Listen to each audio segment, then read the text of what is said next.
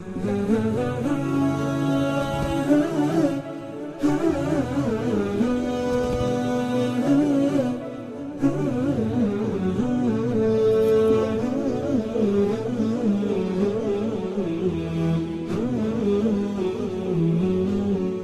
الله الرحمن الرحيم الحمد لله رب العالمين وصلى الله وسلم وبارك على سيدنا ونبينا محمد بن عبد الله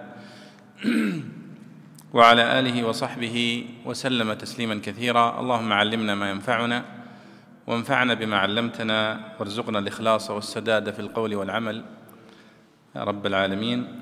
حياكم الله والإخوة والأخوات في هذا اللقاء الواحد والعشرين بعد المئة من لقاءات التعليق على تفسير الإمام عبد الله بن عمر البيضاوي الشافعي رحمه الله تعالى. واليوم هو الأحد الثاني من شهر جمادى الثانية من عام تسعة وثلاثين وأربعمائة وألف للهجرة. وكنا وقفنا في الدرس الماضي عند التعليق على قوله تعالى أينما تكونوا يدرككم الموت ولو كنتم في بروج مشيدة وإن تصبهم حسنة يقولوا هذه من عند الله وإن تصبهم سيئة يقولوا هذه من عندك قل كل من عند الله فما لهؤلاء القوم لا يكادون يفقهون حديثا. وأدركنا الوقت قبل أن يعني نعلق على كلام البيضاوي هنا وهو كلام في غاية الأهمية نريد أن نعيده. فلعلنا نعيد القراءة يا أحمد من قوله تعالى أينما تكونوا يدرككم الموت.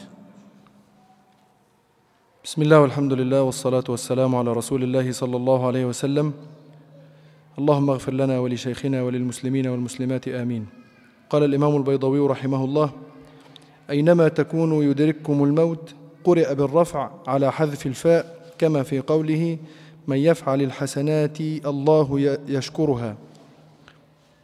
من يفعل الحسنات الله يشكرها.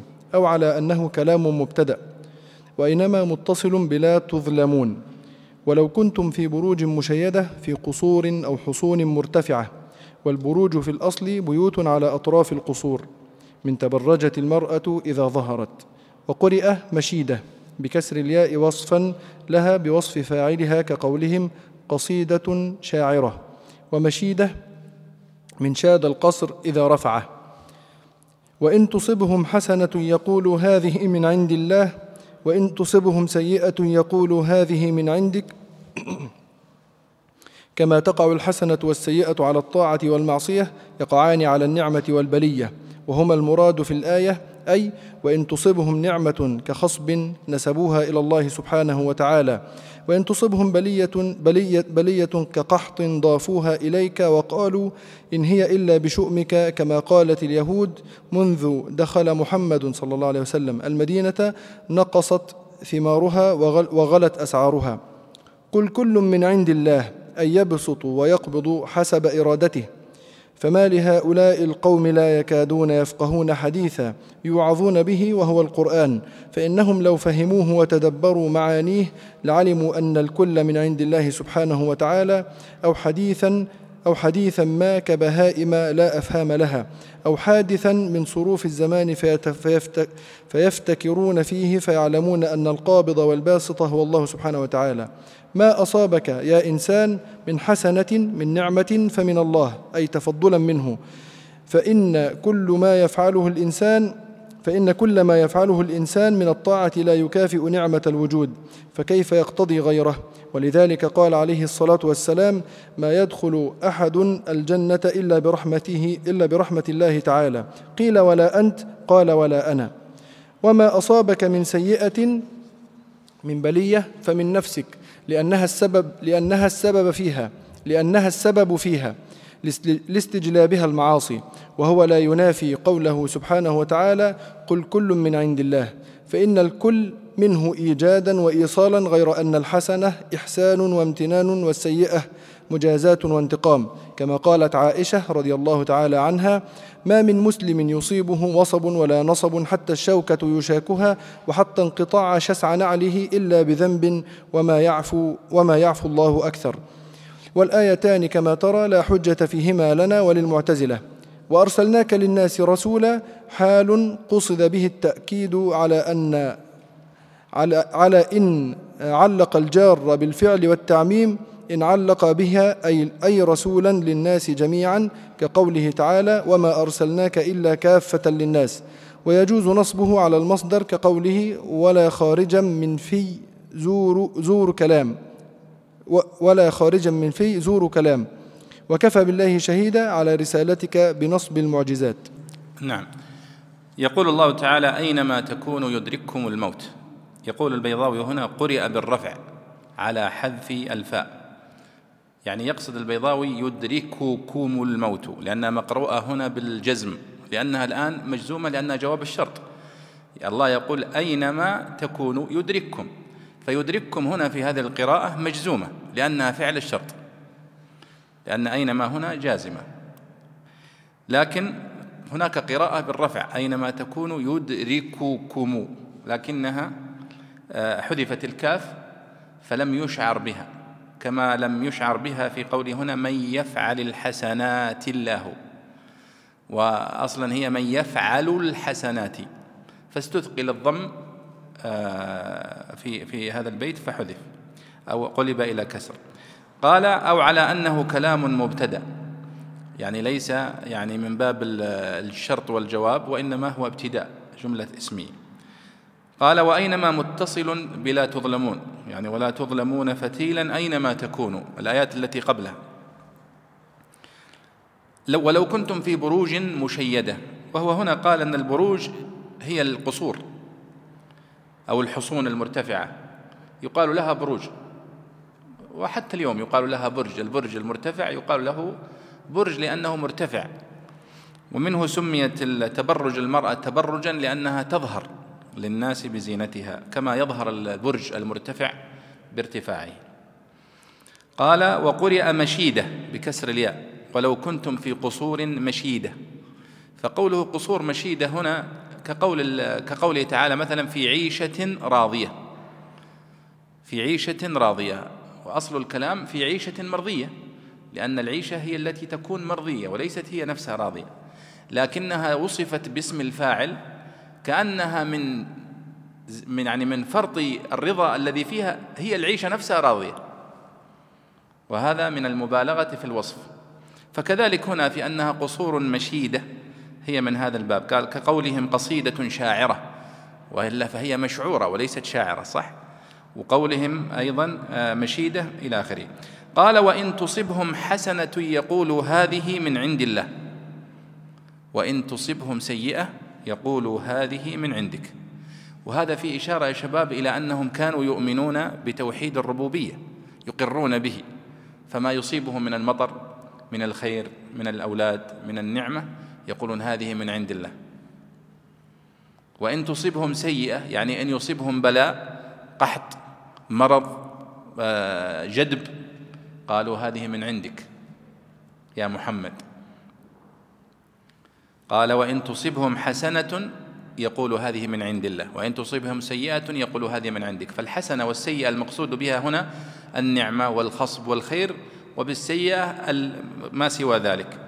قال البيضاوي كما تقع الحسنة والسيئة على الطاعة والمعصية يقعان على النعمة والبلية. وهذا صحيح.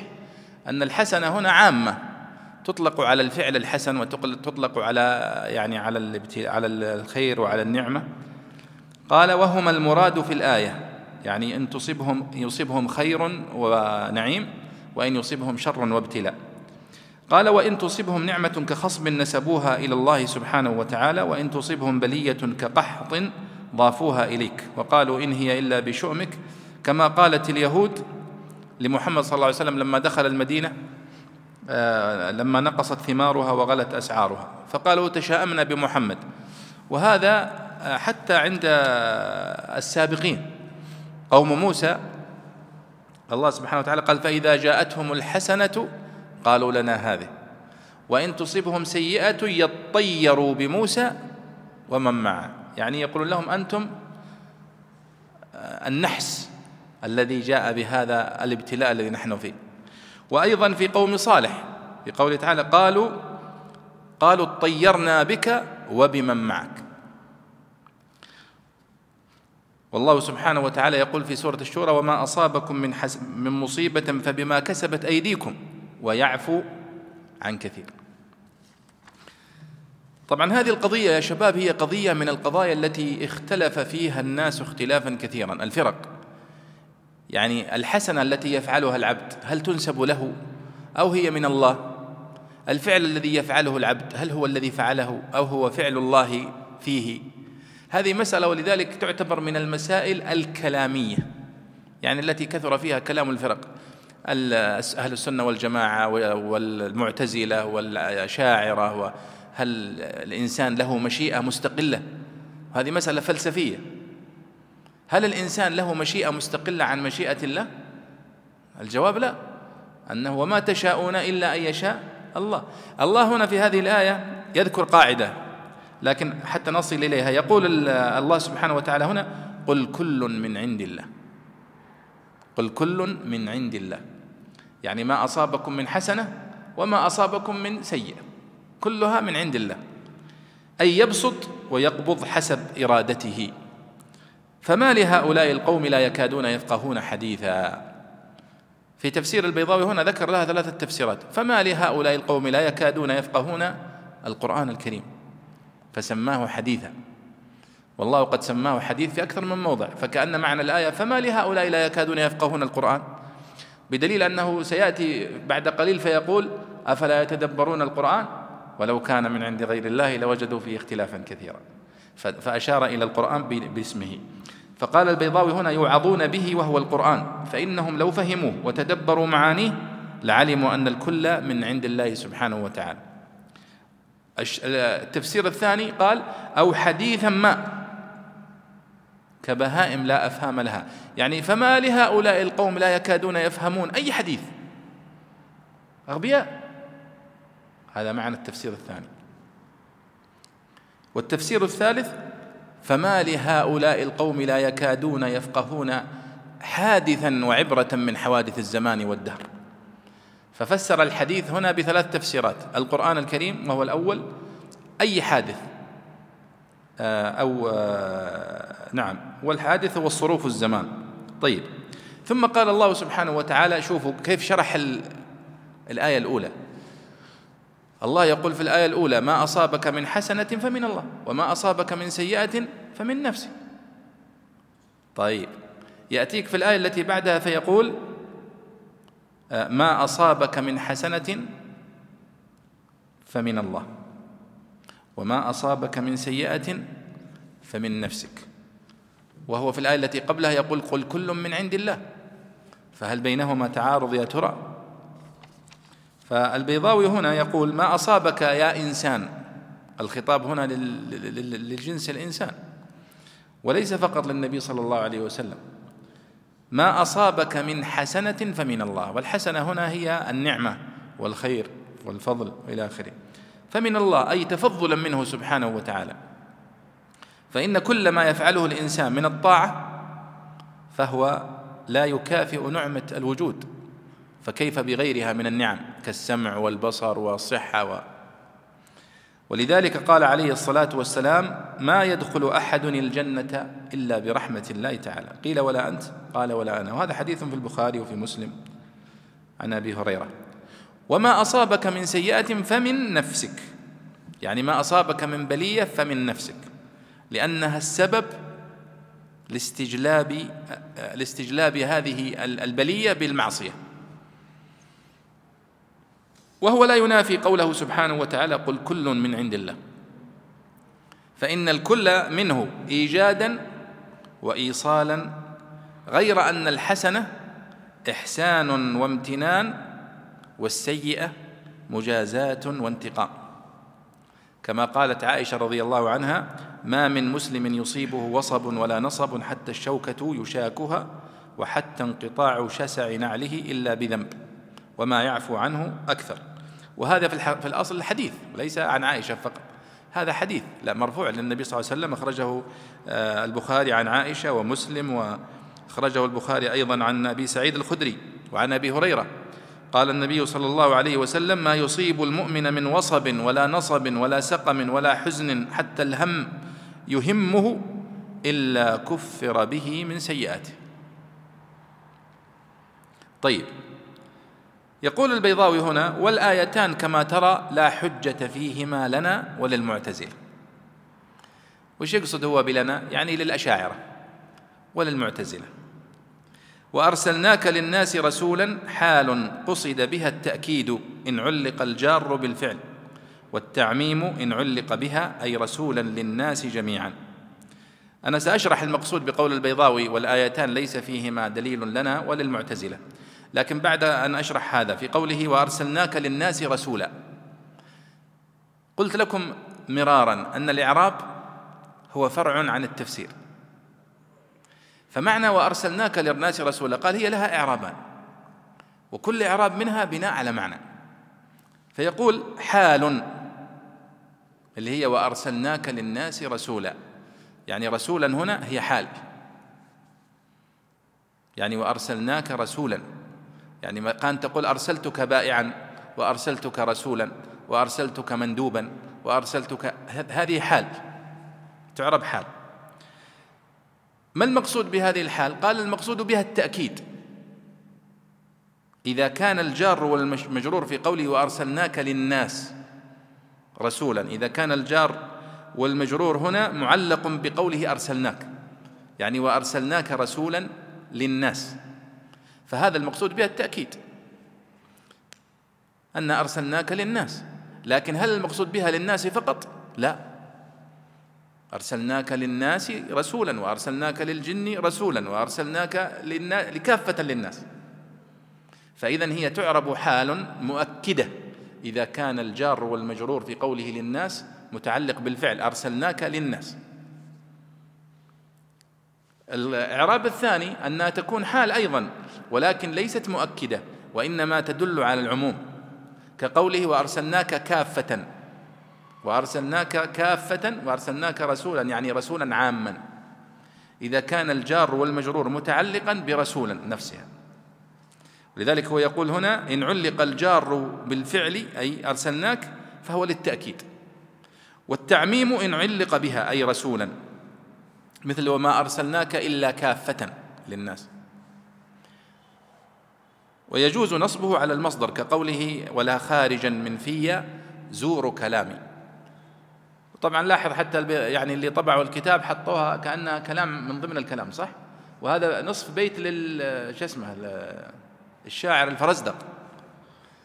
الفرزدق يقول ألم ترني؟ يعني طبعا الفرزدق مشهور بأنه كان صاحب يعني آه، فسوق في شعره. فيعني بعد أن كبر قال هذه القصيدة. يخاطب فيها إبليس.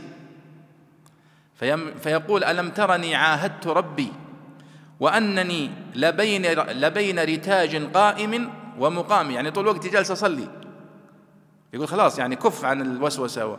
ألم ترني عاهدت ربي وأنني لبين رتاج قائم ومقام على قسم لا أشتم الدهر مسلما ولا خارجا من في يزور كلامي فالشاهد قوله ولا خارجا من في زور كلامي. فهو يعني أعرب إعرابا هنا على أنه حال كما في رسولا هنا وما أرسلناك إلا رسولا.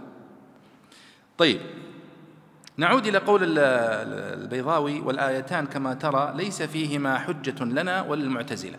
هذه يا شباب مسألة كلامية كما قلنا في تتعلق بقضية خلق أفعال العباد. هل أفعال العباد مخلوقة لله سبحانه وتعالى؟ أهل السنة والجماعة يقولون نعم. لأن والله خلقكم وما تعملون. فمشيئة العبد هي مرتبطة بمشيئة الله. وما تشاءون إلا أن يشاء الله. فكل ما يفعله العبد فهو بمشيئة الله وهو مخلوق له. المعتزلة يرون أن أفعال العباد مخلوقة ومنها القرآن الكريم. عفوا أن كلام أن القرآن الكريم مخلوق صح؟ وهذه القضية المشهورة التي ابتلي فيها الإمام أحمد. ويرون أن هذه الصفات مخلوقة. ولذلك لا يثبتون القرآن الكريم أنه كلام الله. هذول المعتزلة والمشاء والأشاعرة يرون أن الكلام المقصود به هنا ليس الكلام الحقيقي وأن الله لم يتكلم كلاما حقيقيا كما يقول أهل السنة. نحن نقول أن الله يتكلم كلاما حقيقيا كما يليق بجلاله سبحانه وتعالى. هم يقولون لا المقصود بكلام الله هو الكلام النفسي القديم. في القضية المعروفة يعني في علم الكلام. فهنا في قوله وليس في الآية حجة لنا يعني يقصد أنه لا يتوهم من قوله تعالى قل كل من عند الله أنه حجة لنا في أن أن خالق أفعال العباد هو الله تعالى. كما نقول يعني الأشاعرة لأن المراد من الكل المذكور في الآية النعمة والبلية وليست مطلق أفعال العباد. بينما الرازي في تفسيره استدل وأكثر في هذه الآية. وأطال إطالة طويلة في أنها كلها مخلوقة من خلق الله كل الحسنات وكل السيئات. وأن قوله قل كل يشمل كل الحسنات وكل السيئات وأنها كلها من الله وهو المطلوب إثباته عندهم عند الأشاعرة. ولا يتوهم أيضا من قوله وما أصابك من سيئة فمن نفسك أن أفعال العباد مخلوقة العبد هو الذي يخلق فعل نفسه. كما يقول أيضا المعتزلة. ولكن هي هو يعني له مشيئة ولكنها مشيئة تحت مشيئة الله سبحانه وتعالى كما في قوله تعالى وما تشاءون إلا أن يشاء الله. وهذه مسألة من مسائل العقيدة الطويلة. وكما مر معنا كثيرا أن الشيخ البيضاوي رحمه الله هو من المؤولة مؤولة الأشاعرة. ولكنه في باب القضاء والقدر وفي أفعال العباد وافق أهل السنة والجماعة. فيعني سار فيها على منهجهم. نعم. قال وكفى بالله شهيدا على رسالتك بنصب المعجزات. يعني يقصد بنصب المعجزات. يعني ماذا؟ يعني بإرسالك يا محمد بأدلة وآيات بينة على صدق رسالتك. نصب المعجزات يعني إرسال وتأييد المرسلين والأنبياء عليهم الصلاة والسلام بهذه المعجزات. وطبعا ذكرنا أن المعجزات سميت معجزة اصطلاحا من أيام المعتزلة وهم أول من تكلم في إعجاز القرآن من أيام النظام ثم الجاحظ ثم القاضي عبد الجبار ثم إلى اليوم. يسمونها معجزة وإلا القرآن الكريم سماها آية بينة حجة سلطان. قالوا ما جئتنا ببينة. فأتنا بسلطان مبين. لكن تركت كل هذه المصطلحات مع أنها أفضل واستخدمت كلمة معجزة. لكن مشيناها. ولذلك الشيخ محمود شاكر رحمه الله في كتابه القيم مداخل إلى مداخل إعجاز القرآن قال هذه العبارة. قال نحن لا نستطيع أن ننتزع كلمة معجزة اليوم من ألسنة الكتاب ومن أقلامهم ومن كتبهم لأنها أصبحت يعني منتشرة ومتواترة في الكتب. اليوم مادة اسمها إعجاز القرآن آه، مقررة في كل الكليات إعجاز القرآن يسمونه والمعجزات ودلالة ويعني المعجزة الكبرى يعني أصبحت كلمة مسته... تدور يعني كثيرا. ولذلك يقول نحن نقصد بالمعجزة تماما ما أراده الله بالآية والبينة والسلطان والحجة. وهي مسألة اصطلاحية لكنها سببت كثير من الارتباك في اشتراطات المعجزة والشروط التي تشترط فيها. طيب تفضل. من يطع الرسول؟ قال رحمه الله من يطع الرسول فقد أطاع الله لأنه عليه الصلاة والسلام في الحقيقة مبلغ والآمر هو الله سبحانه وتعالى. روي أنه عليه الصلاة والسلام قال من أحبني فقد أحب الله ومن أطاعني فقد أطاع الله. فقال المنافقون لقد قارف الشرك وهو ينهى عنه. ما يريد إلا أن نتخذه ربا كما اتخذت النصارى عيسى ربا فنزلت. ومن تولى عن طاعته فما أرسلناك عليهم حفيظا. تحفظ عليهم أعمالهم وتحاسبهم عليها. إنما عليك البلاغ وعلينا الحساب وهو حال من الكاف. نعم. من يطع الرسول فقد أطاع الله. يعني معنى هذه الآية أن طاع أن الرسول صلى الله عليه وسلم لم يأتي بشيء من عند نفسه وإنما هو مبلغ. فهذه مثل قوله تعالى قل إن كنتم تحبون الله فاتبعوني.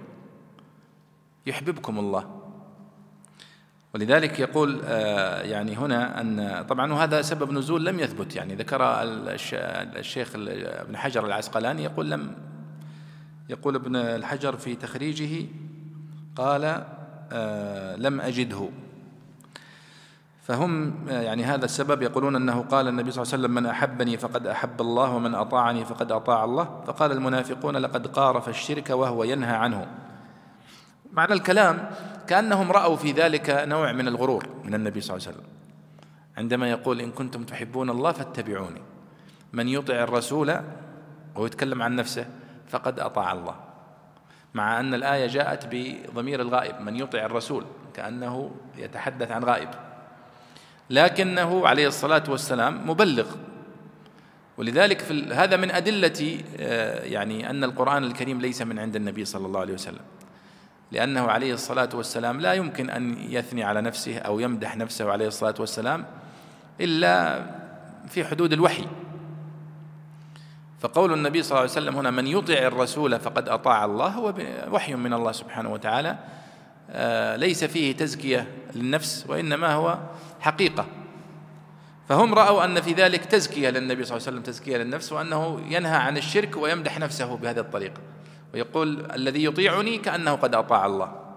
فكأنهم يقولون من أنت على حتى تقول هذا الكلام. هؤلاء المنافقون. لكن حتى لو لم يثبت هذا الكلام الذي يعني ذكره البيضاوي كرواية إلا أن نص الآية واضح فيه. أن من الرسول صلى الله عليه وسلم قال من يطع الرسول فقد أطاع الله. وفي الآية الأخرى قل إن كنتم تحبون الله فاتبعوني. يحببكم الله ويغفر لكم ذنوبكم. فيعني هذا نص الآية. قال ومن تولى عن طاعته فما أرسلناك عليهم حفيظا تحفظ عليهم أعمالهم وتحاسبهم عليها وإنما عليك البلاغ وعلينا الحساب. وهو حال من الكاف.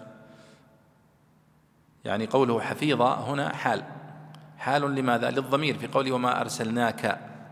يعني أنت يا محمد.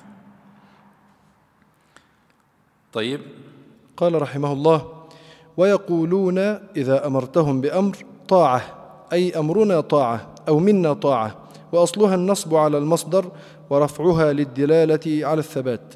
فإذا برزوا من عندك خرجوا بيت طائفة منهم غير الذي تقول أي زورت خلاف ما قلت خلاف ما قلت لها أو ما قالت لك من القبول وضمان الطاعة.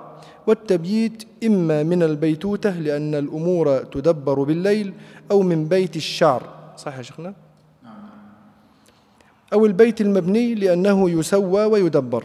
وقرأ أبو عمرو وحمزة بيت طائفة بالإدغام لقربهما في المخرج.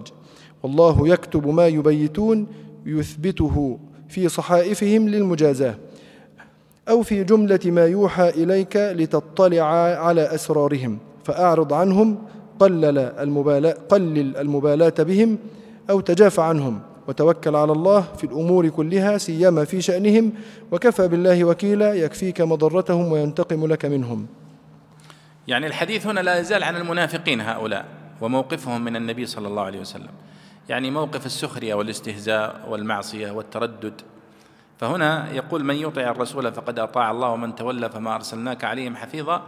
يعني تطمين للنبي صلى الله عليه وسلم بأن لا يقتل نفسه حسرات على عدم استجابة هؤلاء المنافقين فيعني آه، يتركهم عليه الصلاة والسلام. ثم يقول أن هؤلاء المنافقين يقولون طاعة ويقولون طاعة. فإذا خرجوا من عندك عفوا فإذا برزوا من عندك بيت طائفة منهم غير الذي تقول. والله يكتب ما يبيتون. ويقولون طاعة. هنا يقول أمرنا طاعة أو منا طاعة. وأصلها ويقولون طاعة. يعني نطيعك طاعة. لكن هنا ويقولون طاعة. مش معناها؟ معناها كأنهم يقولون يا محمد نحن طاعتنا طاعة. أي ليس لها نظير. وهذا كله كذب طبعا. ويقولون طاعة. يعني كأنهم يقولون طاعتنا لك يا محمد طاعة لا نظير لها. كما كان يقوم سيدهم عبد الله بن أبي كل صلاة جمعة. قبل خطبة الجمعة يقوم قبل أن يصعد النبي صلى الله عليه وسلم على المنبر فيقول أيها الناس هذا رسول الله. اسمعوا له وأطيعوا. هو كذاب. وكان كل مرة يكررها الحركة هذه حتى أصبحت بايخة يعني. فقال له أحدهم يعني اجلس قاتلك الله. فهذا هو معنى قوله ويقولون طاعة. يدعون أن طاعتهم للنبي صلى الله عليه وسلم طاعة لا نظير لها وطاعة مطلقة وهم يبيتون له خلاف ذلك. لكن لاحظوا الله سبحانه وتعالى كيف يكشف للنبي صلى الله عليه وسلم خطط هؤلاء ويكذبهم. ولذلك هم على قلق دائما من الوحي. يحذر المنافقون أن تنزل عليهم سورة تنبئهم بما في قلوبهم. قل استهزئوا. ان الله مخرج ما تحذرون. قال فاذا برزوا من عندك أي خرجوا بيت طائفه منهم غير الذي تقول. يعني زورت خلاف ما قلت لها أو ما قالت لك من القبول وضمان الطاعه. التبييت هنا بيت ماخوذه من يعني آه، البيت نسبة إلى البيت. يعني كأنهم يبيتون في البيت يحيكون لك المؤامرات والدسائس. فلذلك يقال حتى في اللغة العربية بيت يعني أقم. يقال للرجل المسافر مثلا بيت إلى الغد يعني نم وأقم إلى الغد نسبة إلى البيت الذي يبيت فيه الناس وينامون فيه. ولذلك قال إما من البيتوتة لأن الأمور تدبر بالليل أو من بيت الشعر أو البيت المبني لأنه يسوى ويدبر كلها معاني صحيحة. لأن قد يقال للإنسان بيت فينام في ينام في العراء. يقال له بيت إلى الغد وهو ما نام في بيت لكنه يعني أصبحت تطلق بيت بمعنى نام ولو لم يبت الإنسان في بيت. على الاتساع. وقرأ أبو عمرو وحمزة بيت طائفة بإدغام التاء في الطاء. هنا سؤال وش فائدة أن يذكر البيضاوي هذا الكلام في المختصر؟ يعني يذكر وجوه القراءات التي لا أثر لها في المعنى والتفسير. المفترض في كتب الاختصار في التفسير أن ما يذكر من القراءات إلا ما كان له أثر في المعنى. وأما توجيه القراءات والتوسع فيها لغويا ولهجيا و فإنه يتوسع فيها في كتب توجيه القراءات وفي كتب التفسير المطولة. قال والله يكتب ما يبيتون يعني يثبته في صحائفهم للمجازاة عليه. يعني قوله والله يكتب ما يبيتون إشارة إلى تهديد طبعا. وأن كل شيء مكتوب. كمان يقول للطالب مثلا المشاغب أو الذي يكثر الغياب ترى كل شيء مسجل. صح؟ يعني فأنت تقصد به تهديده أنه مسجل وسوف تحاسب عليه. فكذلك هنا والله يكتب ما يبيتون تهديد لهم بأنه سيكتبه ثم يجازيكم به بعد ذلك. قال فأعرض عنهم وتوكل على الله وكفى بالله وكيلا. وهذا من تمام كفاية الله للنبي صلى الله عليه وسلم. النبي صلى الله عليه وسلم كان سيحتاج إلى جهد كبير حتى يستطيع أن يكتشف هذه المؤامرات. يحتاج إلى استخبارات ويحتاج إلى جهد ربما خارج عن طاقته عليه الصلاة والسلام. لكن الله قد كفاه كشف هؤلاء الأعداء من المنافقين و والله يعصمك من الناس. وكفى بالله وكيلا وكفى بالله نصيرا وإلى آخره. فالله قد كشفه لهم ثم قال له أعرض عنهم. وتوكل على الله وكفى بالله وكيلا. هل معنى الآية يا شباب؟ ترك الأخذ بالأسباب. أعرض عنهم وتوكل على الله وكفى بالله وكيلا. لا لأنه قد علم من حال النبي صلى الله عليه وسلم ومن سيرته أنه كان يتخذ الأسباب ويتخذ التدابير. ويتخذ الحراس عليه الصلاة والسلام في الليل حتى نزل قوله تعالى آه، والله يعصمك من الناس. فصرف الحراس. فهو بالرغم من حفاظ حفظ الله له كان يتخذ الأسباب عليه الصلاة والسلام المادية التي تمنع آه، الاغتيال مثلا أو تمنع آه، القتل أو أيضا حتى القتل بالسم. كان حريصا عليه الصلاة والسلام ألا يأكل من أكلهم ولا حتى وقع عليه الصلاة والسلام في آخر حياته فأكل من آه، من أكل هم سموه له ومات عليه الصلاة والسلام ومن آثار يعني ذلك السم.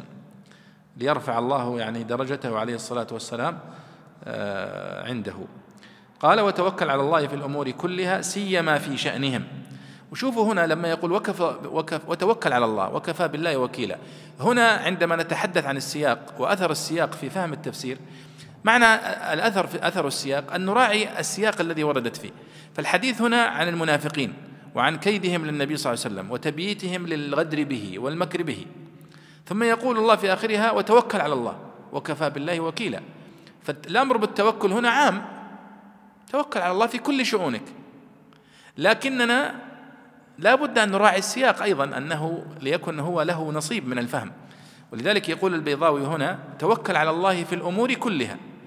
سيما في شأنهم. يعني في شأن آه، يعني رد كيد المنافقين ويعني كفاية شرهم. وكفى بالله وكيلا يكفيك مضرتهم وينتقم لك منهم. وتحدث يعني كم تحدثنا كم مرة أن وكفى بالله أن معنى الآية وكفى الله وكيلا. وأن الفاعل هنا هو لفظ الجلالة ها؟ وكفى بالله. لأن قد يأتيك سؤال فيقول اعرب قول الله تعالى كفى بالله وكيلا. فتقول كفى فعل ماضي. طيب وين الفاعل؟ وتجلس تدور حول نفسك. كفى بالله كفى بالله. لأن لازم أن يكون الفاعل له فعل. عفوا كل فعل له فاعل. فكفى الباء حرف جر لفظ الجلالة اسم مجرور. وكيل مفعول به. وأين الفاعل؟ فهو لفظ الجلالة هنا. وهو لفظ الجلالة هنا مجرور لفظا ولكنه مرفوع محلا. وتقدير الكلام وكفى الله وكيلا. كفى الموت واعظا. كفى بالموت واعظا. طيب أفلا يتدبرون القرآن؟ قال رحمه الله أفلا يتدبرون القرآن يتأملون في معانيه ويتبصرون ما فيه. وأصل التدبر النظر في أدبار الشيء. ولو كان من عند غير الله أي ولو كان من كلام البشر كما تزعم الكفار لوجدوا فيه اختلافا كثيرا من تناقض المعنى وتفاوت النظم. وكان بعضه فصيحا وبعضه ركيكا وبعضه يصعب معارضته وبعضه يسهل. ومطابقة بعض أخباره المستقبلة للواقع دون بعض وموافقة العقل لبعض أحكامه دون بعض. على ما دل عليه الاستقراء لنقصان القوة البشرية. ولعل ذكره ها هنا للتنبيه على أن اختلاف ما, ما سبق من الأحكام ليس لتناقض في الحكم بل لاختلاف الأحوال في الحكم والمصالح. في الحكم والمصالح. نعم. آه، أفلا يتدبرون القرآن؟ هنا جاءت هذه الآية كما تلاحظون في سياق الحديث عن المنافقين وتبكيتهم ولومهم وعتابهم وكشف يعني دخائلهم. فكأنها والله أعلم كأن الله يقول لو كان هؤلاء المنافقون تدبروا القرآن الكريم كما ينبغي لما وقعوا فيما وقعوا فيه من النفاق. ولذلك نحن نقول أن من أعظم أدوية النفاق تدبر كلام الله سبحانه وتعالى وفهمه على وجهه الصحيح. فالله يقول أفلا يتدبرون القرآن على وجه الحظ؟ لهم. أفلا يتدبرون القرآن؟ يعني يتأملون في معانيه ويتبصرون ما فيه. وأصل التدبر النظر في أدبار الشيء. فهو معنى لغوي. تدبر القرآن هو النظر في في القرآن الكريم والتأمل فيه وإعادة النظر فيه والتأمل فيه وتقليب النظر فيه. حتى يفهم الإنسان منه المعاني الظاهرة والمعاني ما وراء الظاهرة التي يسمونها المعنى ومعنى المعنى ومعنى معنى المعنى. وهذه نظرية المعاني التي تحدثنا عنها هي جاء بها القرآن من قديم وهو التدبر والأمر به. وهو استخراج كل ما يدل عليه هذا الوحي من المعاني القريبة والبعيدة والمفصلة. ولذلك عمر رضي الله عنه لما قال لي الصحابة الكرام ماذا تفهمون من إذا جاء نصر الله والفتح؟ قالوا نفهم أنه أمر للنبي صلى الله عليه وسلم أنه إذا فتح الله عليه مكة فليكثر من الاستغفار والتوبة. هذا المعنى الظاهر وهذا هو التفسير. قال لا فهو يقصد هذا يقصد لماذا لا تتعمقون أكثر؟ في لماذا جاء الأمر بالاستغفار والتوبة في هذا الموضع؟ ابن عباس قال هذا أجل النبي صلى الله عليه وسلم قد اقترب. فيأمره الله يقول له يا محمد انتهى دورك. أكثر من الاستغفار والتوبة. ستموت قريبا. فهو فهم هذا. قال معنى السورة إذا جاء نصر الله لك وفتحت عليك مكة ورأيت الناس يدخلون في دين الله جماعات جماعات بعد ما كانوا يدخلون زمان واحد اثنين صاروا يدخلون الآن قبائل. فهذا علامة دنو أجلك وانتهاء مهمتك. فسبح بحمد ربك واستغفره إنه كان توابا قال والله لا أفهم منها إلا هذا المعنى. فاذا هذا التدبر.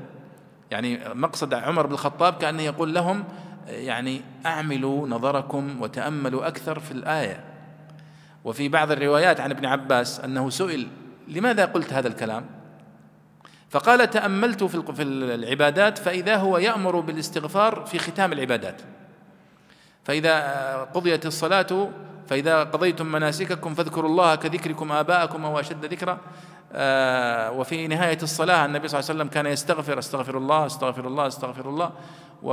فكان يعني الأمر بالاستغفار والإكثار من التوبة. بعد العبادات إشارة إلى أن هذا الأمر للنبي صلى الله عليه وسلم بالاستغفار والتوبة في هذا الموقف دليل على أنه انتهى دوره. وهذا فهم ذكي طبعا من ابن عباس. والتدبر هو مبني على هذا الذكاء وعلى القدرة على الاستنباط. ولذلك العلماء رحمهم الله يعني استجابوا لهذا الأمر. وسوف يأتي هنا قوله وإذا جاءهم أمر من الأمن أو الخوف أذاعوا به.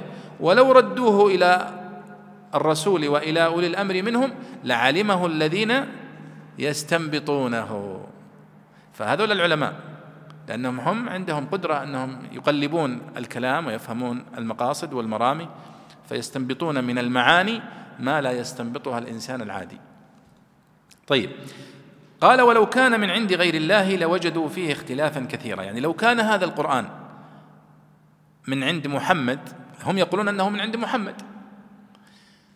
المشركون واليهود والنصارى إلى اليوم يقولون أن هذا القرآن ليس من عند الله. وحتى الحداثيون وتذكرون كانت محاضرة الدكتور عبد الله القرني الأسبوع الماضي عن أنهم لا يعترفون بأن هذا القرآن من عند الرسول من عند الله. وهذا مصدرية القرآن ينكرون مصدرية القرآن أنها من الله. يقولون أساطير الأولين اكتتبها فهي تملى عليه بكرة وأصيلا هذا كلام المشركين صح؟ والحداثيون الحداثيون الذين يقولون اليوم هي هذا القرآن هو نتاج الواقع. صبة ردة. نفس المعنى. ولذلك الشبهات التي أثيرت حول القرآن قد ذكرها الله في القرآن ورد عليها. وقالوا أساطير الأولين اكتتبها فهي تملى عليه بكرة وأصيلا اكتتبها.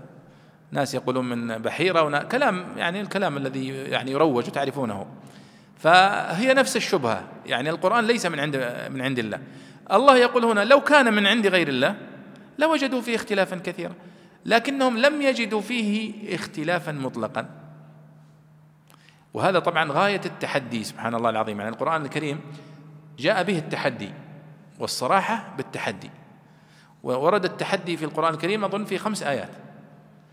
ورد في سورة الإسراء وورد في سورة البقرة وفي سورة يونس وفي سورة الطور وفي سورة القصص وأظن في موضع سادس. طبعا دائما نحن نقول عقليا ولو كان من عند غير الله لوجدوا فيه اختلافا كثيرا. هنا يقول يلا طلع لي في خطأ. كل التي ادعيت أنها أخطاء ليست كذلك. إن هذان لساحران ونحوه. كلها لغة صحيحة. بدليل أنه لم يعترض عليها المشركون. ولم يحفظ أبدا أن عتبة بن ربيعة قال ما هذا؟ هذا ليس من كلام العرب. طبيعة العرب القدماء أنهم لا يتكلمون. كان أبو الفتح عثمان بن جني يحاول أن يعني يراوغ بعض الأعراب فيتكلم باللحن حتى يمشيها على الأعرابي. فالأعرابي ما يستجيب. فيقول لا أتكلم بغير لغتي. يعني يعتبر اللحن ما من لغتي هذا. فالعرب لم يقولوا قط هذا ليس من لغتنا ابدا في شيء من القرآن الكريم. وهذا دليل كافي على أن ما يدعى من أنه أخطاء نحوية في القرآن أنه غير صحيح. قال ولو كان من عند غير الله لوجدوا فيه اختلافا كثيرا من تناقض المعنى وتفاوت النظم وكان بعضه فصيحا وبعضه ركيكا وبعضه يصعب معارضته وبعضه يسهل ومطابقة بعض أخباره المستقبل إلى آخره. طيب كيف عرفنا أن البشر يقعون في هذا؟ قال هذا الواقع شوفها لا يكاد إنسان يكتب كتابا في اليوم إلا ويقول في غده لو وقد نظرت في الكتاب وعدت الطبعة الثانية منقحة الطبعة الثالثة مزيدة صح ولا لا؟ لأن بطبيعة الحال يعني الإنسان كلما أعاد النظر في كتابه اكتشف أخطأ ولذلك يقول تذكرون الكلمة المشهورة التي دائما صارت تقتبس في مقدمات الكتب كلمة القاضي الفاضل التي تنسب للعماد الأصفهاني. وقد رأيت أنه لا يكتب أحد كتابا في يومه إلا وقال في غده لو أنني قدمت كذا لكان أفضل ولو كنت أخرت كذا لكان أفضل. وهذا دليل على استيلاء النقص على جملة البشر. فهذا صحيح. ولذلك أحد المشرك أو النصارى أسلم من أول القرآن عندما قرأ فيه ذلك الكتاب لا ريب فيه هدى للمتقين. قال الكتب العادة أنها تبدأ باعتذار للقارئ بأنك إذا وجدت نقص إذا وجدت أي ملحوظة فتراسلنا على هذا العنوان نعدل. أما القرآن يتحدى من أوله ويقول لا ما في عندي خطأ وأتحدى أي واحد يطلع خطأ. يقول هذا ما هو ما يمكن أن يفعل ذلك البشر. وهناك كلمة جميلة للرافعي رحمه الله في إعجاز القرآن يقول هذه الكلمة لا يقولها عاقل من الناس.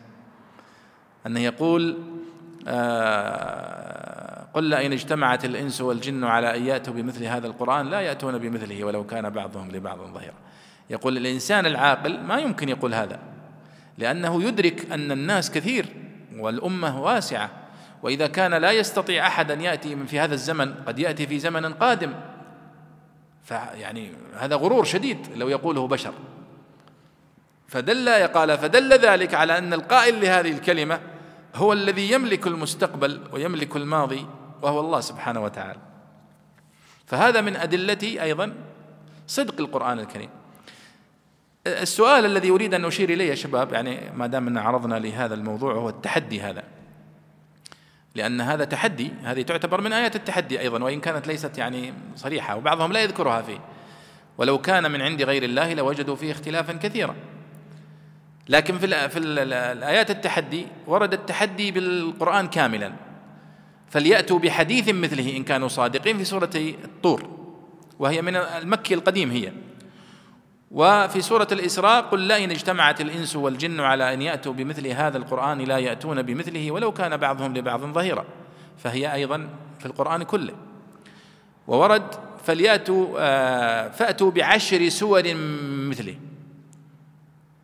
وقد وورد آه، في سورة فأتوا بسورة من مثله. وادعوا شهداءكم من دون الله إن كنتم صادقين. طيب. فورد إذن بالقرآن كله وورد بعشر سور وورد بسورة. المنطق والعقل يقول أن التحدي لا بد أن يكون من الأدنى ثم الأسفل. يعني واحد تقول له أتحداك تستطيع أن ترفع خمسين كيلو فيعجز. فتقول أتحداك ترفع مئة كيلو. طبعا هذا أكيد أنه سيعجز من باب أولى. فالمنطق يقول أن تتحدى تقول أتحداك ترفع مئة كيلو. فإذا عجز تقول أتحداك ترفع التسعين كيلو أتحداك ترفع عشرة كيلو. هنا يكون العقل يعني منطقيا منسجم. في القرآن الكريم إذا أردت أنك تطبق هذه النظرية تصطدم بمشكلة وهي تاريخ نزول هذه الآيات. سورة الك... سورة الإسراء قديمة النزول مكية.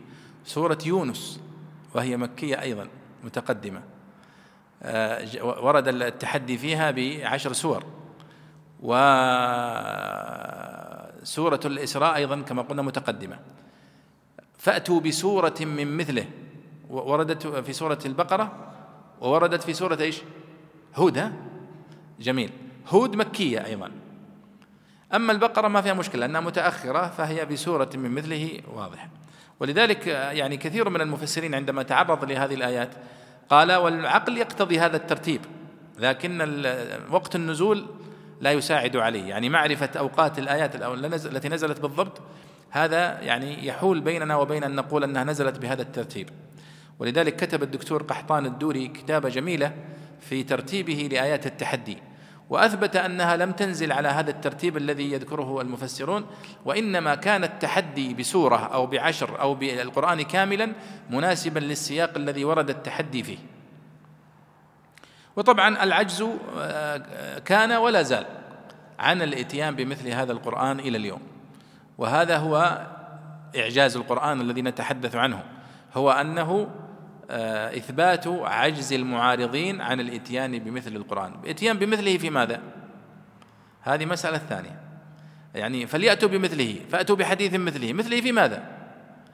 مثله في, في المعنى أو مثله في اللفظ أو مثله في النظم الطريقة والأسلوب هذه أيضا مسألة فيها نقاش بمعنى القرآن الكريم أليس معجزا بلفظه؟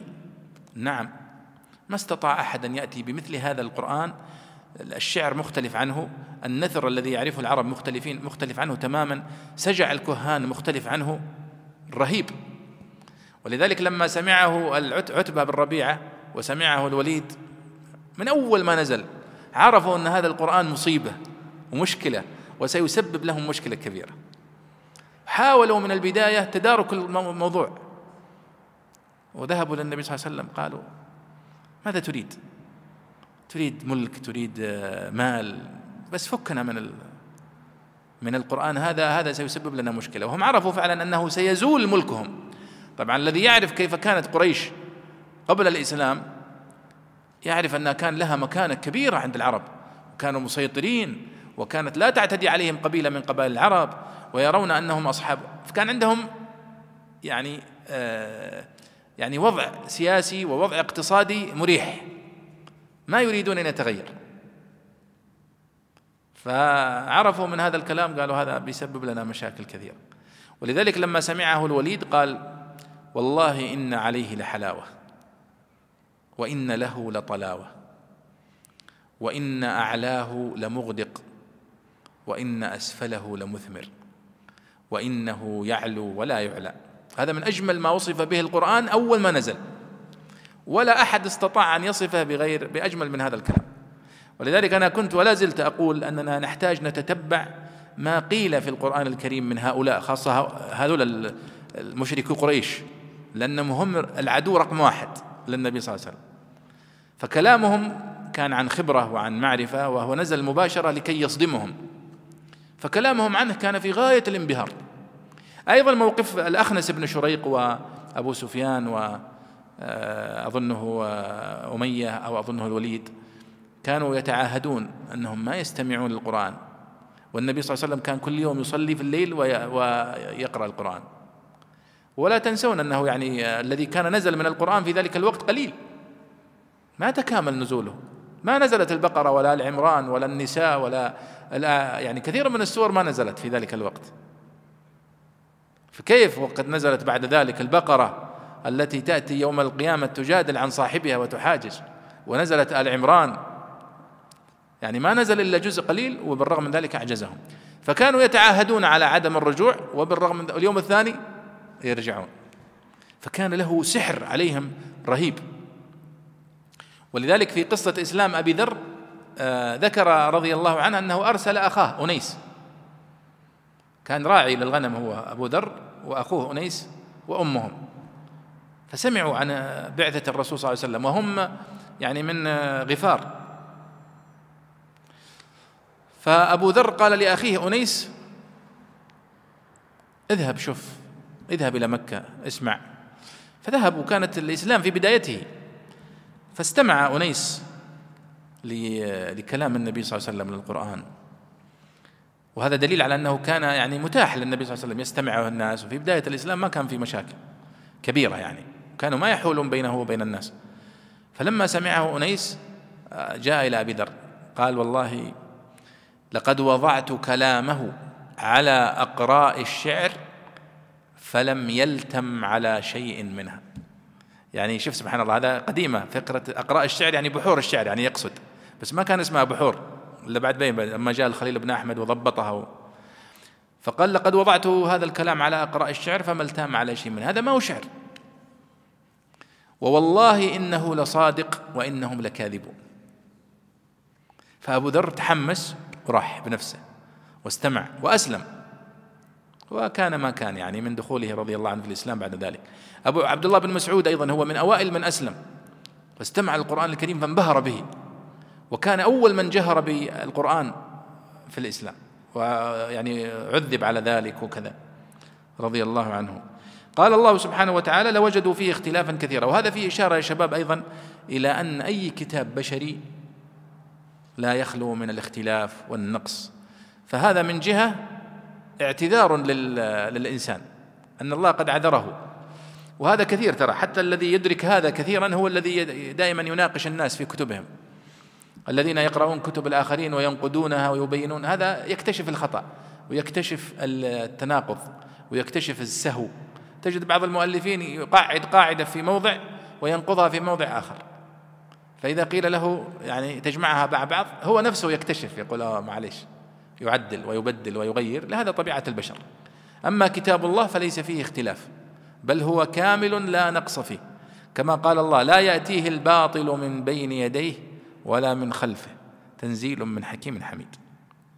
وهذا الكلام يا شباب يدعونا إلى الاعتناء بالقرآن أكثر والاهتمام به أكثر وإعطائه مساحة أكبر في حياتنا وفي كلماتنا وفي خطبنا وفي دروسنا وفي قراءاتنا لأنه هو النور الذي يعني جعله الله سبحانه وتعالى لنا في في في هذا الدين. الحمد لله. نعم بل هو حتى صدقت نعم. حتى الجن كانوا أحسن منا في الاستجابة لهذا القرآن نعم. إنا سمعنا قرآنا عجبا يهدي إلى الرشد فآمنا به. طيب وإذا جاءهم أمر تفضل. قال رحمه الله وإذا جاءهم أمر من الأمن أو الخوف مما يوجب الأمن أو الخوف أذاعوا به أفشوه. كما كان يفعله قوم من ضعفة المسلمين إذا بلغهم خبر عن سرايا رسول الله صلى الله عليه وسلم أو أخبرهم الرسول صلى الله عليه وسلم بما أوحي إليه من وعد بالظفر أو, أو تخويف من الكفرة أذاعوا به لعدم حزمهم فكانت إذاعتهم مفسدة والباء مزيدة أو لتضمن الإذاعة معنى التحدث. ولو ردوه أي ولو ردوا ذلك الخبر إلى الرسول وإلى أولي الأمر منهم إلى رأيه ورأي كبار الصحابة البصراء بالأمور أو الأمراء لعلمه لعلم ما أخبروا به على أي وجه يذكر. الذين يستنبطونه منهم يستخرجون تدابيره بتجاربهم وأنظارهم. وقيل كانوا يسمعون أراجيف المنافقين فيذيعونها فتعود وبالا على المسلمين.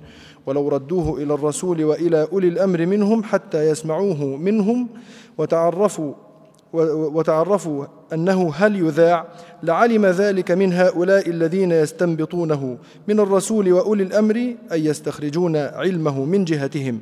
وأصل الاستنباط إخراج النبط وهو الماء يخرج من البئر أول ما يحفر. ولولا فضل الله عليكم ورحمته بإرسال الرسول وإنزال الكتاب لاتبعتم الشيطان الكفر والكفر والضلال إلا قليلا أي إلا قليلا منكم تفضل الله عليكم بعقل راجح اهتدى به إلى الحق إلى الحق والصواب وعصمه عن متابعة الشيطان كزيد بن عمرو بن نفيل وورقة بن نوفل أو إلا اتباعا قليلا على الندور نعم.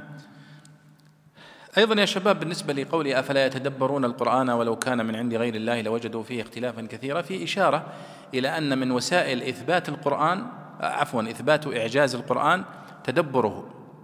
وأنه كلما أمعن المسلم والعالم النظر في آيات القرآن ظهرت له دلائل صدق هذا القرآن وعجز المعارضين عنه. وفعلا ولذلك أدلة إثبات صدق القرآن كثيرة غير منحصرة. ممكن يظهر لك الآن أدلة ما ما سبقت إليها في إثباته وأنه فعلا من عند الله. وكما هو محشود يعني في كتاب الدكتور بغيت أقول الدكتور السيوطي في كتاب السيوطي معترك الأقران في إعجاز القرآن ذكر ثمانين وجه من أوجه إعجاز القرآن وقال وهي لا تتناهى يعني أكثر من ذلك من يعني آه لما فيه من أدلة وما فيه من قرآن. قال وإذا جاءهم أمر من الأمن أو الخوف أذاعوا به ولو ردوه إلى الرسول وإلى أولي الأمر منهم لعلمه الذين يستنبطونه منهم. طبعا الحديث عن المنافقين صح؟ لكن قد يفعل هذا الفعل بعض الضعفاء. عجلة لقافة كما هو الحاصل في في مجتمع الناس. فقال وإذا جاءهم أمر من الأمن أو الخوف مما يوجب الأمن أو يوجب الخوف. يعني المقصود بها إذا سمعوا أي خبر من الأخبار التي تمس المجتمع تمس الوضع العام. أذاعوا به ونشروه. اليوم عاد هذه الآية يعني أكثر انطباقا اليوم لأنها قديما كانوا يذيعونه على مستوى محلي صح ولا لا؟ أن عمر رضي الله عنه عندما أراد أن يسلم قال أي قريش أذيع للخبر؟ لأن في دائما في المجتمع ناس ملاقيف معروفين وظيفته بس أنه ينقل الأخبار. هذه شغلته. وكثرة الأسئلة ويسأل عما لا يعنيه هذه وظيفته. فعمر أراد أن يعني يبلغ خبر إسلامه لهذا الواحد من هذول المتخصصين في العلاقات العامة وال والإعلان لكي ينشر خبر إسلام عمر وينتشر. وفعلا يعني 24 ساعة أصبح خبر إسلام عمر على كل لسان. فيقول هنا وإذا جاءهم أمر من الأمن أو الخوف يعني أمر من الأمور التي تتعرض لها يعني كثير من القضايا اليوم المفترض أنها ما تعلن.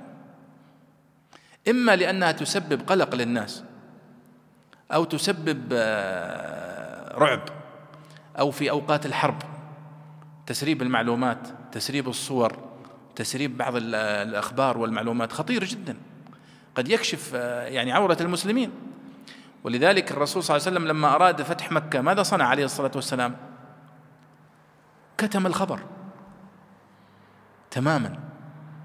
وجعله في نطاق ضيق جدا وأمر الناس بالاستعداد لأن المفاجأة جزء من من التخطيط.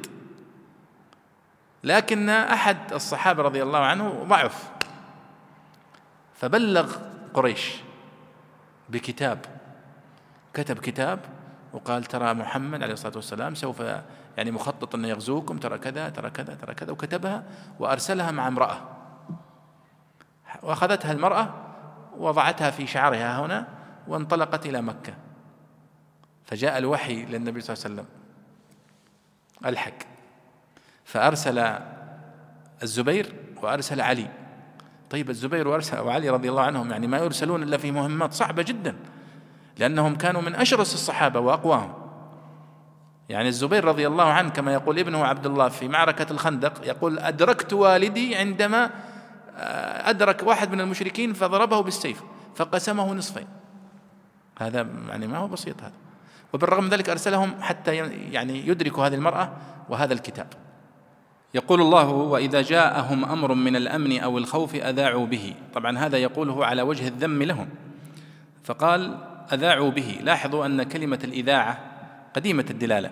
أذاعوا به يعني نشروه بكل اتجاه. ولاحظوا هنا أن الله قال أذاعوا به ولم يقل أذاعوه. وإذا جاءهم أمر من الأمن أو الخوف أذاعوه. ما قال أذاعوه؟ قال أذاعوا به. فقال هنا أفشوه كما كان يفعله قوم من ضعفة المسلمين إذا بلغهم خبر عن سرايا رسول الله صلى الله عليه وسلم وأخبرهم الرسول بما أوحي إليه من وعد بالظفر أو تخويف من إلى آخره. فكانت إذاعتهم مفسدة. تسريب معلومات يعني. والباء مزيدة أو لتضمن الإذاعة معنى التحدث. تذكرون هذا الموضوع؟ تحدثنا عنه كثيرا وهو التضمن. عينا يشرب بها عباد الله. وقلنا أن لها تفسيران. يشرب بها أي يشرب منها. فالباء بمعنى من. وإما يشرب بها يعني يروى بها. فنضمن الفعل معنى يناسب الحرف. فنقول يشرب بها ما هو الفعل القريب من يشرب الذي يتعدى بالباء؟ قالوا يروى. آه فإذا معنى يشرب بها عباد الله فيها معنيين أو فيها معنيان. المعنى الأول الشرب والمعنى الثاني الري. فما كانت لتؤدي معنى الري لولا تعديتها بالباء. فكذلك هنا أذاعوا به. الأصل أنها أذاعوه لكنه قال أذاعوا به ليضمنها معنى تحدثوا به ونشروه. فهم يتحدثون به على القريب والبعيد كما هي عادة مروجي الإشاعات في كل زمان وفي كل مكان. فهذه الآية هي ضد مروجي الإشاعات. قال الله ولو ردوه إلى الرسول وإلى أولي الأمر منهم لعلمه الذين يستنبطونه منهم. يعني لو ردوا ذلك الخبر إلى الرسول صلى الله عليه وسلم في حياته طبعا وإلى أولي الأمر منهم. فهنا يقول البيضاوي إلى رأي النبي صلى الله عليه وسلم ورأي كبار أصحابه البصراء بالأمور أو الأمراء. تذكرون المحاضرة الماضية والتي قبلها؟ فسر البيضاوي قول الله تعالى وأطيعوا الله وأطيعوا الرسول وأولي الأمر منكم. وقال أن المقصود بأولي الأمر إما أن يكون المقصود جزاك الله خير إما أن يكون المقصود بها الأمراء وإما أن يقصد بها العلماء. ثم اختار الطبري رأيا رجح جمع بين القولين. فهم كل من يلي أمر المسلمين من الأمراء والعلماء. وهنا الأصل أن الذين يعلمون يستنبطون هم العلماء. لعلمه الذين يستنبطونه منهم. لأن الذي يستطيع أن يفعل ذلك هم العلماء وليس مجرد الأمراء. لكن كان الناس في أول الأمر في أول الإسلام الذي يلي الإمارة هو عالم أبو بكر وعمر وعثمان وعلي ومعاوية. ثم جاء بعد ذلك أناس كانوا ليسوا من أهل العلم من يعني عامة الناس. فكانوا يتخذون العلماء مساعدين ويعني وزراء. قال لعلمه الذين يستنبطونه منهم. شوفوا كلمة الاستنباط موجودة في القرآن هنا. وأصل الاستنباط في اللغة هو استخراج الماء. أن يحفر الإنسان في الأرض فيخرج الماء. فإذا الاستنباط فيه جهد إضافي وليس مجرد الاستخراج العادي يقال له استنباط وإنما استنباط ما خفي. فأنت لو حفرت حفرة بسيطة خرج الماء لا يقال استنبط الماء. لكن إذا حفرتها وعمقت الحفر ثم خرج الماء قيل استنبط الماء. يا ليستخرجون تدابيره بتجاربهم وأنظارهم. وقيل كانوا يسمعون أراجيف المنافقين فيذيعونها فتعود وبالا على المسلمين. ولو ردوه إلى الرسول وإلى أولي الأمر منهم حتى يسمعوه منهم وتعرف وتعرف وتعرفوا أنه هل يذاع لعلم ذلك من هؤلاء الذين يستنبطونه من الرسول وأولي الأمر. أي يستخرجون علمه من جهتهم. وأصل الاستنباط إخراج النبط وهو الماء. يخرج من البئر أول ما يحفر. ولولا فضل الله عليكم ورحمته بإرسال الرسول وإنزال الكتب لاتبعتم الشيطان إلا قليلا. أي لا اتبعتم الشيطان في الكفر وفي الضلال إلا قليلا. يعني إلا قليلا تحتمل معنيين يعني إلا قليلا منكم يعصمهم الله من ذلك لما فيهم من العقل الراجح وإلى آخره. وإما إلا اتباعا قليلا على الندور. يعني يقع منكم اتباع لكن قليل. كما قال الله سبحانه وتعالى آه، في قوله وإن كادوا ليفتنونك. آه، واذا آه، نعم قال وقد كدت تركن إليهم. نعم. ولولا أن ثبتناك لقد كدت تركن إليهم شيئا قليلا. فاذا يكون المقصود لاتبعتم الشيطان في بعض المواقف إلا قليلا يعني إلا في بعض المواقف تتبعونه فيها. فلها معنيان يعني إلا قليلا منكم يعصمهم الله فلا يتبعون الشيطان مطلقا أو المعنى الثاني إلا اتباعا قليلا يقع من بعضكم في بعض الأحوال إذا غلبه شيطانه. كما حدث من الصحابي الجليل الذي كما قلنا سرب خبر فتح مكة وسربه في كتاب. فالرسول أرسل علي و يعني أن أنهى المشكلة لأنهم لو كانوا عرفوا لاستعدوا. فبطلت وأيضا لما أراد النبي صلى الله عليه وسلم أن يذهب إلى تبوك آه، أيضا ورى ما أخبر الناس أنه سيذهب إلى تبوك ولن يذهب إلى يعني محاربة الروم وإنما كان يقول آه، مناطق قريبة حتى لا يتسرب الخبر. فإذا هذه الآية يا شباب هي أصل في إدارة الأمور بهدوء وبكتمان. واستعينوا على قضاء حوائجكم بالكتمان. وإن كان هذا يعني ليس حديثا لكنه معنى صحيح. هو معنى هذه الآية بأن تسريب الأمور وإشاعة الأخبار تفسد كثير من الخطط حتى على مستواك الشخصي.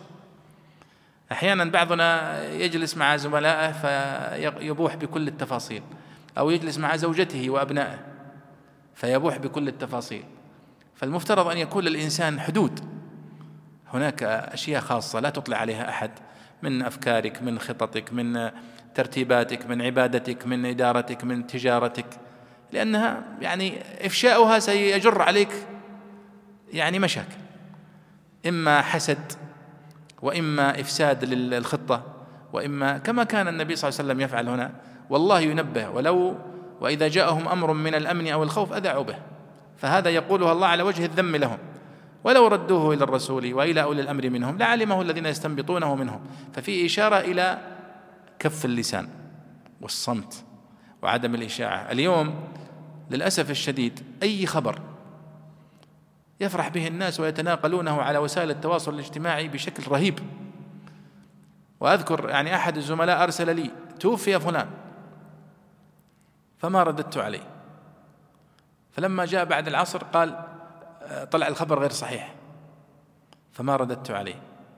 فجاء قابلني بعدين قال أنت لا رديت علي يوم بلغتك بالوفاة ولا رديت علي يوم بلغتك بالوفاة.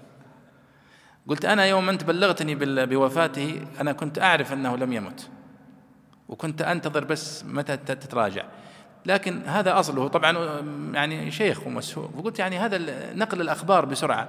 يعني لماذا يفرح الإنسان بنقل خبر وفاة واحد أول واحد؟ يعني أنت فرحان أنك أول واحد بلغ الناس أنه مات فلان؟ سبق صحفي. ما فيها مكرمة. فلذلك ينبغي علينا أن نتحوط غاية التحوط خاصة اليوم. في الواتساب تجيك أخبار قد لا تكون صحيحة قد تكون مكذوبة. وهذا الأصل الآن في أكثر من من من من يعني من آه، خبر أنها غير صحيحة. كما قال المتنبي. يقول أخبار المتنبي كان المتنبي ينقل عنه كثيرا أنه مات. مات المتنبي وهو ما مات. فلذلك يقول في قصيدة له قال كم قد قتلت وكم قد مت عندكم ثم انتفضت فزال الموت والكفن. أنتم كل يوم تجيبون إشاعة أنني مت. فكذلك يعني هذه القضايا يا شباب ينبغي أن ننتبه لها وأن ننبه الناس عليها. في تويتر في الواتساب في كل وسائل التواصل أصبحت يعني منصات للكذب.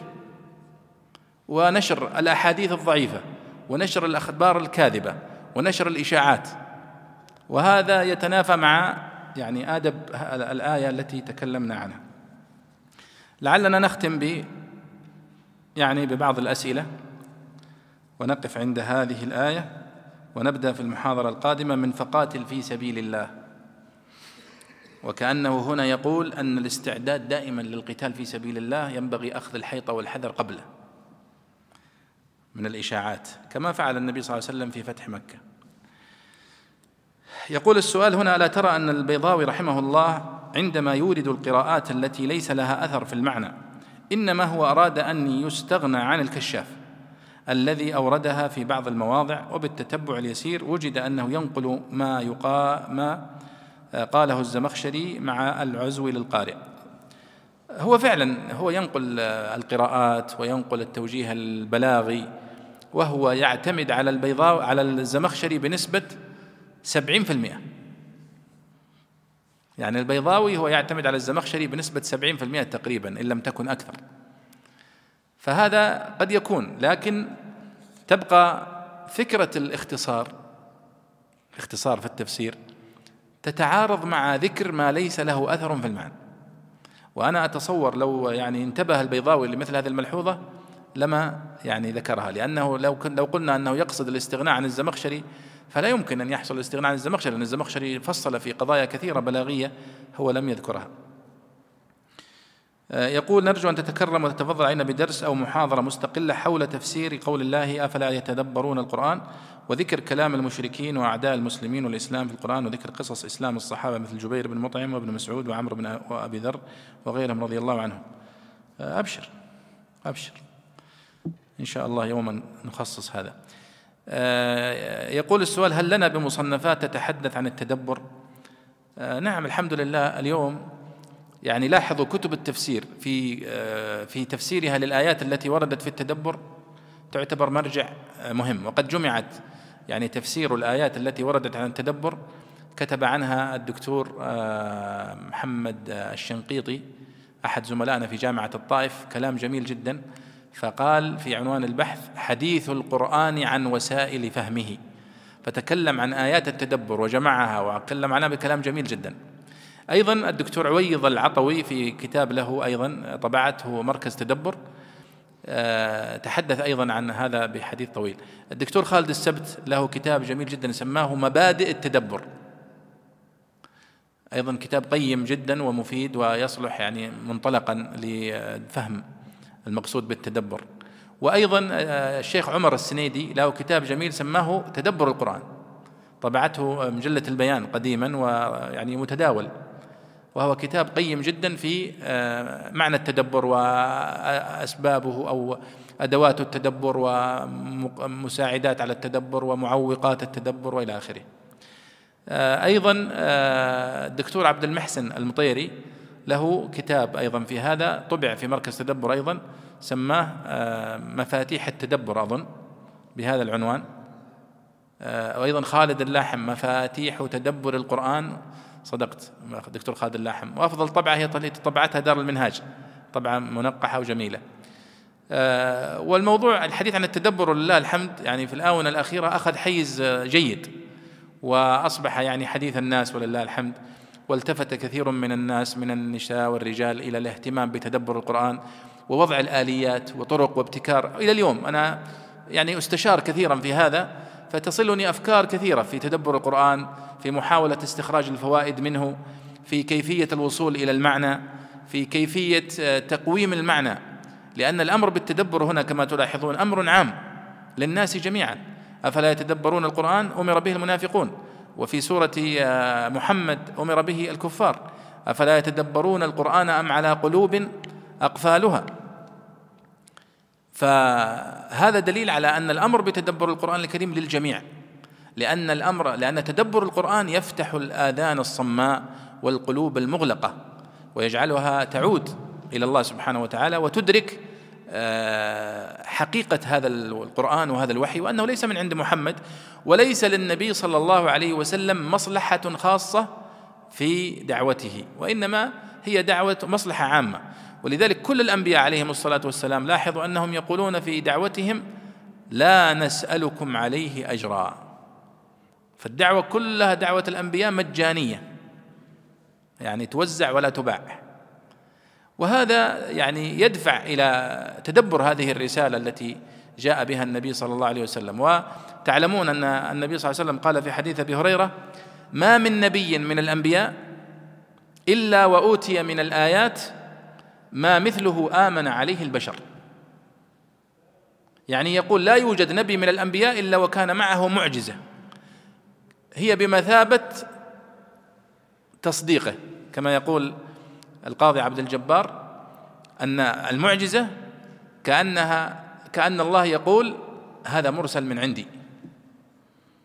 فصدقوه. قال النبي صلى الله عليه وسلم وكان الذي أوتيته وحيا أوحاه الله إلي فأرجو أن أكون أكثرهم تابعا يوم القيامة. وش معنى الكلام هذا؟ معناه أن المعجزات التي جاء بها موسى عيسى نوح إبراهيم صالح آه، آه، هود وكل الأنبياء السابقين جاءوا بمعجزات حسية مشاهدة بالعين أو ملموسة باليد فتقوم الحجة بها على من يشاهدها يعني موسى على سبيل المثال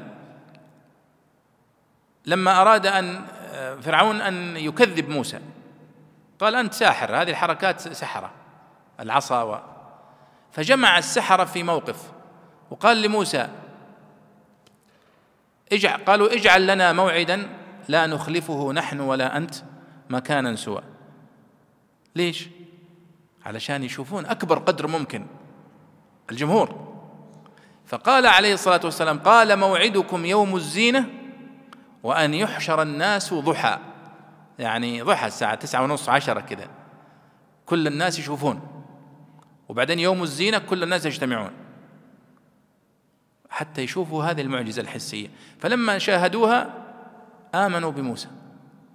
طيب اللي ما شافها ما تقوم عليه الحجة. نحن قامت علينا الحجة بمعجزة موسى عليه الصلاة والسلام لأنه بلغنا خبرها في القرآن صح؟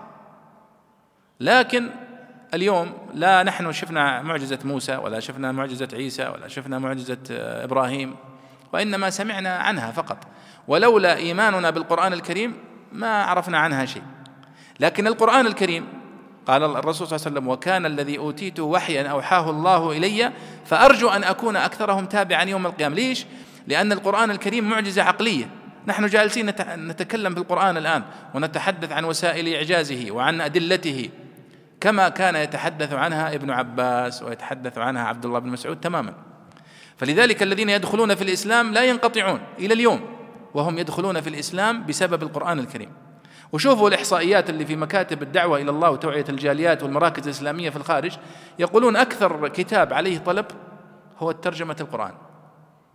وكثير من الذين يدخلون في الإسلام يدخلون بعد أن يقرأوا ترجمة معاني القرآن الكريم.